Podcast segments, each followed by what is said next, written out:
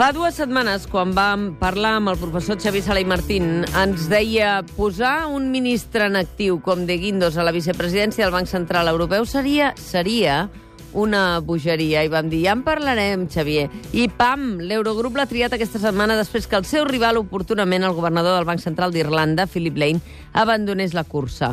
Professor Xavi Sala i Martín, bon dia. Hola, molt bon dia. Philip Lane, governador del Banc d'Irlanda, doctor en Economia per Harvard, professor de Columbia, del Trinity College de Dublín, ha treballat per institucions internacionals com la Comissió Europea, el mateix Banc Central, la Reserva Federal de Nova York, el Fons Monetari, el Banc Mundial i l'OCDE.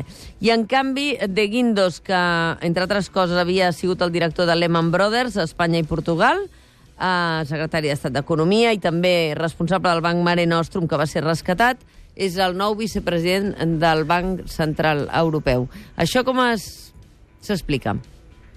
Ara, d'entrada, deixa'm un disclaimer. El, el, tot el que diré eh, ho diré diguem, des de la màxima independència, tot i que he de confessar que el Phil Lane va ser estudiant meu i després, eh, uns anys més tard, va ser company meu a Colòmbia. Eh? Mm. Dit això, o sigui, que tothom sàpiga que, diguem, que no... Que, que, que el coneixes bé, vaja. Que, que el conec i que, no, però, i que no el defenso per això. Eh? Però que, sí, diguem... A veure, deixa'm començar per, la, per, per fer dues, dues aclaracions prèvies eh? per entendre per què crec que és una mala idea. Eh? Mm. Uh, primera, primera, uh, uh, primera prèvia. Uh, les decisions al Banc Central Europeu el prenen dos tipus d'institucions. Primer, un grup reduït, que s'anomena el Comitè Executiu, mm. que està format per sis membres, eh, que cada un d'ells té un, un termini de vuit anys no renovables, el president, que és el Draghi ara mateix, el vicepresident, que és el Vítor Constanzio, que és el que ara, ara ha de marxar i que el, el, el Guindos el substitueix, i llavors hi ha quatre vocals, un dels quals és el, el Chief Economist, l'economista cap, que és, uh, ara mateix és un belga, però sembla que és la posició que li han oferit en el Phil Lane, eh, com a, mm. com a com a, diguem, a, a canvi de que es retirés, i després hi han uh, uh, un, tres vocals més, que són ara mateix un de Luxemburg, un de França i un d'Alemanya. Mm. A banda d'això, hi ha el, el Consell de Govern del Banc Central, que són aquests sis, els sis capos, més els presidents de tots els bancs centrals de l'eurozona. Eh? Mm -hmm. uh, aleshores, a l'any 2004, a l'any 2004, els quatre grans països, que són Espanya, eh, França, Itàlia i Alemanya, eh, quatre, quatre grans països de l'euro, eh, Anglaterra no està a l'euro, aleshores van decidir que entre el grup dels sis sempre hi hauria un membre d'aquests quatre d'aquests ja. quatre països. Eh? Uh, això va deixar de complir-se l'any 2012, quan el representant espanyol, que es deia José Manuel González Páramo, va admitir, mm. però Espanya estava enmig de la crisi i va donar la sensació que el castigaven a Espanya per haver fet les coses malament i no, el substitut del González Páramo no va ser un altre espanyol. Eh? Mm -hmm. Per tant, malgrat que hi ha un acord de que entre els sis capos, eh, els, sis del, els sis membres del, del comitè executiu, eh, hi haurà sempre un espanyol, des de l'any 2012 no n'hi ha cap. I, per tant, diguem això ho dic perquè per començar a entendre què és, què és el que ha passat. La segona prèvia és que el Banc Central Europeu, eh, els bancs central en general, eh, tenen dos tipus de feines, dos tipus de decisions importants. La primera és sobre la política monetària, bàsicament per entendre'ns els, els tipus d'interès. Tipus d'interès amunt quan les coses van bé, tipus d'interès a baix quan estem enmig d'una crisi. Ara mateix, els tipus d'interès a Europa, tots sabeu que estan a zero, arran de la crisi el Mario Draghi va decidir posar-los a zero, i eh, ara estem en un període en el qual han de començar a pujar. Els Estats Units ja han començat i Europa, ja, que ja ha sortit de la crisi, han de començar a pujar. La segona feina del Banc Central Europeu eh, és la regulació del sector financer. Eh? Uh mhm. -huh. En aquest sentit, fixa't que eh, diguem, els, els economistes han demostrat eh, eh, que eh, aquelles grans inflacions que hi havia als anys 70, mm. eh, als anys 70, no sé si recordeu que la inflació era de 10, 12, 15%, una, una brutalitat arreu del món, doncs van demostrar que la raó per la qual això passava mm. és que els bancs centrals depenien directament dels governs. És a dir, el Banco d'Espanya, eh, per entendre'ns, depenia del govern espanyol, per, avui seria el Rajoy. Això què vol dir? Que quan eh, hi havia, s'aproximaven les eleccions, el Rajoy agafava el telèfon, trucava al governador del Banco d'Espanya i li deia, escolti'm, eh, eh, baixeu els tipus d'interès per facilitar el crèdit, perquè pugi l'economia, perquè es creï ocupació, perquè l'economia vagi bé durant el procés electoral i així jo torni a guanyar. Això ho feia tothom a tot el món. I això és el que causava la inflació. I, per tant, els economistes als anys 70 van dir és molt important molt important que el Banc Central sigui independent. És a dir, que quan truqui el Rajoy, eh, eh, eh, diguem, truqui per telèfon el Rajoy, el governador del Banc Central, aquest li digui, amb, tu no puc parlar. Amb, amb vostè, senyor, no he de parlar. Jo haig de fer la política eh, independentment del Banc Central. Uh -huh. I, eh, perdona, independentment de la, del, del, del que De- diguin els governs. Mm. I així es va adoptar arreu del món. Tots els bancs centrals van passar a no dependre del govern, es van fer independents, i us fixeu que ara les inflacions són molt baixes, molt baixes, gairebé zero, arreu del món. Per tant, és una cosa que ha funcionat. I eh, una altra cosa que ha passat en aquestes darrer, darreres èpoques, sobretot arran de, arran de la crisi, és que com demostra un llibre de- d'un economista que es diu Charles Calomiris, eh, que, un llibre que es diu eh, Fràgil per disseny, eh, parla del sistema financer i diu que està dissenyat fràgil eh, expressament eh, perquè el, diguem, el que hem après de la crisi, d'aquesta crisi de l'any 2008-2010, és que el sector financer té un poder extraordinari per manipular les, eh, les regulacions que fan els bancs centrals. Eh? Mhm. Uh, I és molt important que els, eh, els, uh, el sector, diguem, els que regulen, els reguladors, doncs no tinguin, uh, no estiguin influenciats pel sector, pel sector financer. Vale? Mhm. Tot això per què ho dic? Doncs perquè, per una banda, és molt important que el Banc Central, que els governadors, que els, el grup dels sis que prenen decisions siguin independents per Mm. qüestions d'inflació, eh, in- independents del poder polític, i és molt important que siguin independents del poder financer. Mm. I fixa't que el senyor Guindos no és ni l'un ni l'altre. El senyor de Guindos és l'única persona a la història que, sent ministre, sent ministre, ha passat a formar part del Banc Central. No és l'únic exministre. Eh? El, el Jean-Claude Trichet, Sí, el que era, havia, sigut, havia sigut ministre, de Finances francès, Finances, sí. Però, però no, no en el moment que va ser nominat. No, no havia passat d'una banda a l'altra de manera automàtica. Exacte. Uh, per tant, uh, no és independent polític i, a més, eh, té relació, perquè és un senyor que ha treballat en el sector financer, uh, com heu dit abans, uh, com, has, com has llegit a la introducció, el, aquest senyor treballava per Lehman Brothers quan Sí. aquesta va fer fallida, i, per tant, diguem, no, no, no, no, no està lliure de la influència del sector financer. Per tant, els dos tipus de decisions que ha de prendre aquest senyor, doncs no, ell no és independent. Eh? Mm. I, I això és una cosa molt important. Eh? Per què? Fixa't, ara mateix eh, acabo d'explicar que Europa està a punt de començar un procés d'augmentar tipus d'interès. Mm. Vale? Uh, òbviament, els països que tenen un deute eh, enorme, Com Espanya, que està ratllant el Espanya. 100% del PIB. Exacte. Doncs aquests països, eh, quan pugin els tipus d'interès, sortiran perjudicats. És a dir, eh, si tu tens un deute del 100% del PIB i resulta que els tipus d'interès són zero, doncs mira, vas tirant. Però si els tipus d'interès pugen, una part cada vegada més gran de tots els impostos aniran a pagar el deute, els interessos del deute, i no pas a fer hospitals Clar. o a pagar els salaris. Està clar? Aleshores, òbviament, això anirà fatal per l'economia espanyola. El senyor Rajoy trucarà al seu amic Guindos i dirà, oiga, no os paséis con los tipos de interés que nos estáis perjudicando. Mm. Pregunta, què farà el senyor Guindos? Clar, clar. Què farà? Ah, el senyor, si el, si el representant eh, hagués sigut el senyor Phil Lane, el senyor Phil Lane li hagués dit, "I vostè qui és? Sí, sí.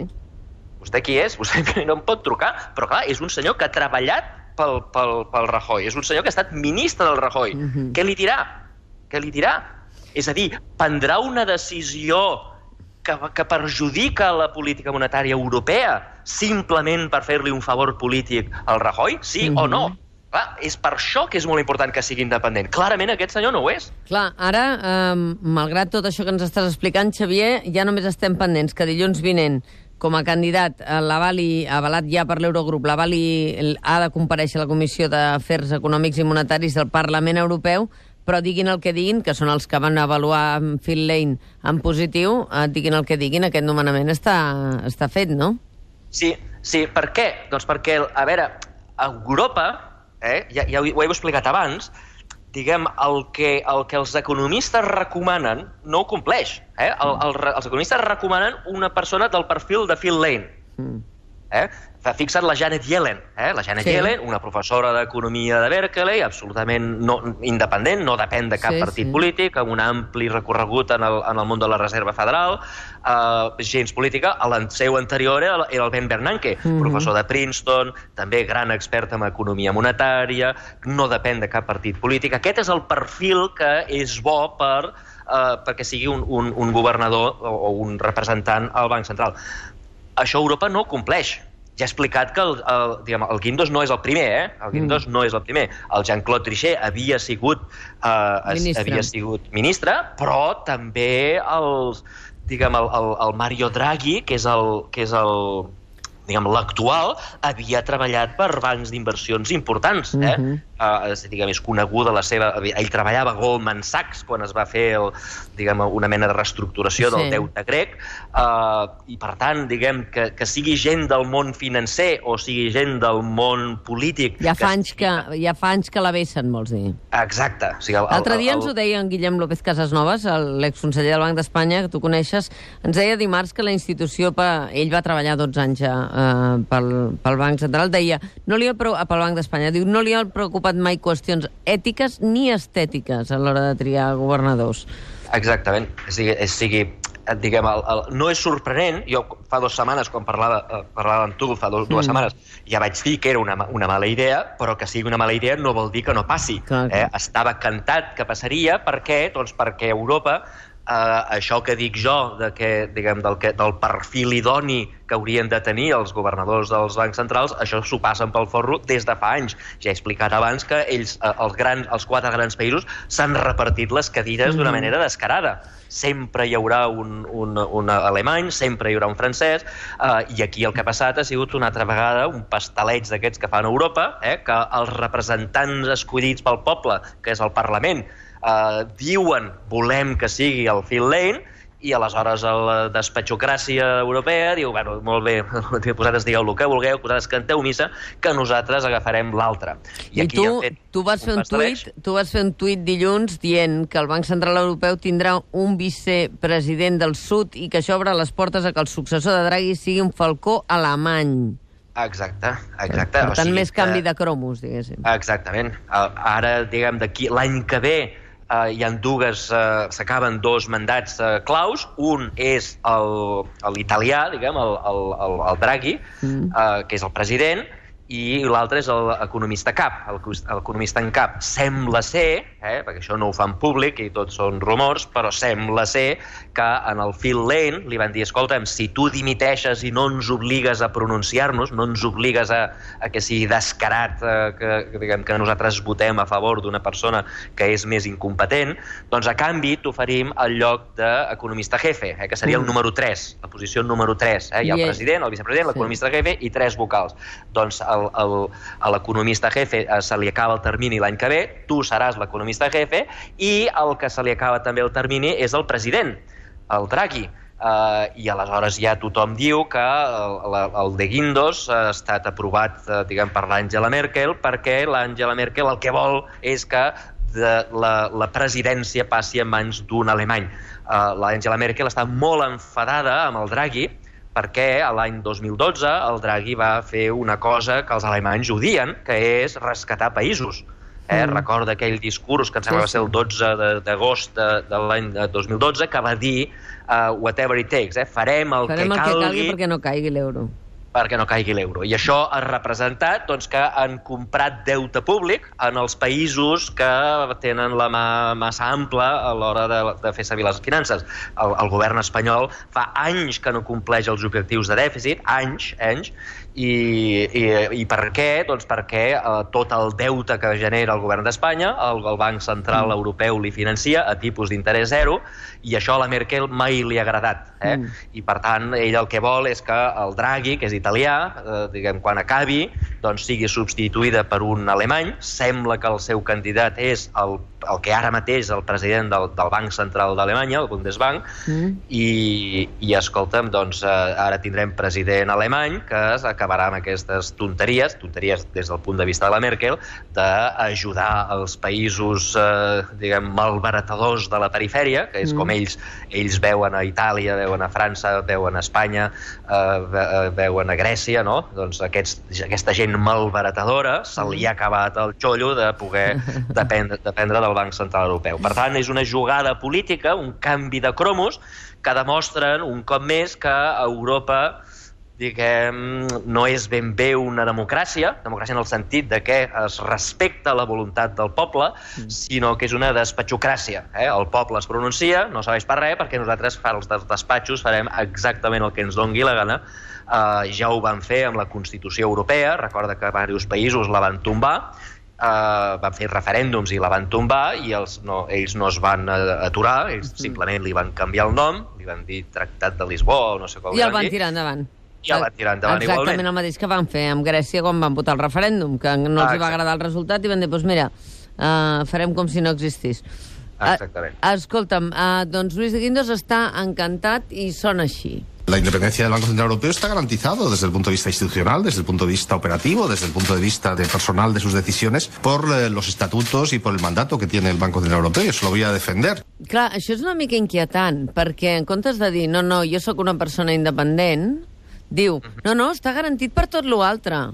Saps sí, què vull dir? És a dir, fa omissió a la seva independència en, aquest, en aquestes paraules. Diu, està garantit pels estatuts, està garantit pel personal, està garantit per tot, però no parla mm, d'ell, no? Després ho ha dit, després ha dit que ell va arribar com a independent al govern espanyol i que ara està titllat de polític, etc etc. Qui creus que el pot substituir al capdavant del Ministeri d'Economia?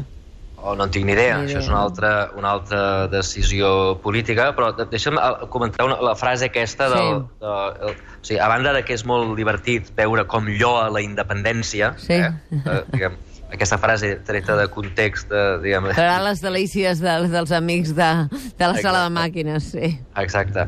Uh, a banda d'això, uh, diguem, és veritat que hi ha moltes regles i tal, uh, diguem, uh, la, la Constitució del Banc Central Europeu diu que han de lluitar contra la inflació, etc etc. És a dir, hi ha una, una normativa que, que limita molt el, el seu poder de decisió, però jo torno a fer la pregunta que he fet abans.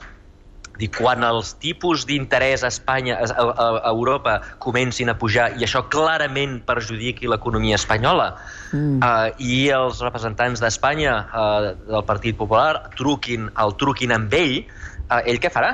Mm és a dir, en aquestes discussions de si s'ha de pujar el tipus d'interès o no s'ha de pujar els tipus d'interès, hi haurà discussions a porta tancada en la qual aquestes sis persones, eh, diguem, al final votaran i prendran una decisió. Mm. Quina posició defensarà ell?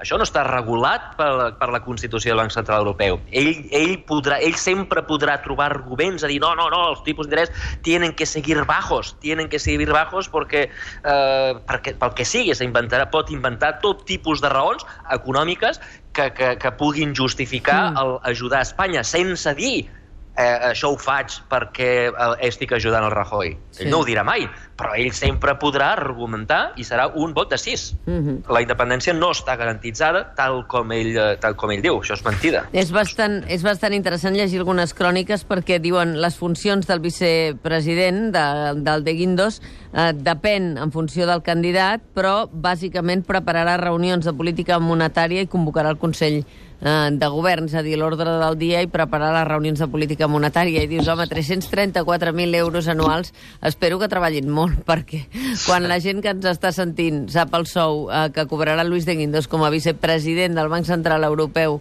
durant 8 anys, pensa, home, espero que faci alguna cosa més que convocar reunions, no? Sí, una, una, cosa, una cosa a la qual el vicepresident d'ara eh, diguem, es dedicava o, tenia com a part de les seves funcions i que això és perillosíssim en mans del de Guindos és la recerca mm. eh, la recerca econòmica. I dic que és perillosíssim perquè el de Guindos, eh, jo, jo, jo he tingut diverses converses personals amb ell, eh, i és una persona que desconfia profundament dels investigadors. O sigui, odia, pensa que és una pèrdua de calés, que és, que és llançar els calés a escombraries, finançar la recerca en general, però la recerca econòmica en particular.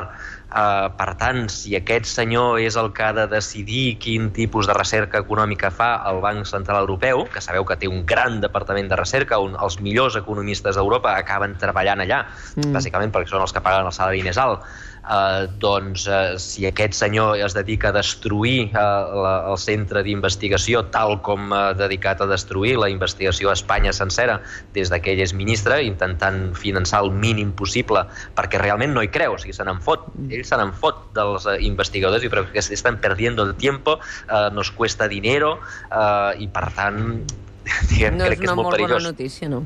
Uh, veurem com evoluciona. Xavier Sala i Martín, moltes gràcies. D'aquí 15 dies coincideix uh, que serà 8 de març i, per tant, informes, Sala Martín, uh, serà el Dia de la Dona Treballadora i aquí s'està parlant i molt de bretxa salarial. En parlarem amb Xavier Sala i Martín d'aquí a dues setmanes. Una abraçada, que vagi bé. Perfecte. Adéu. Bon, a veure.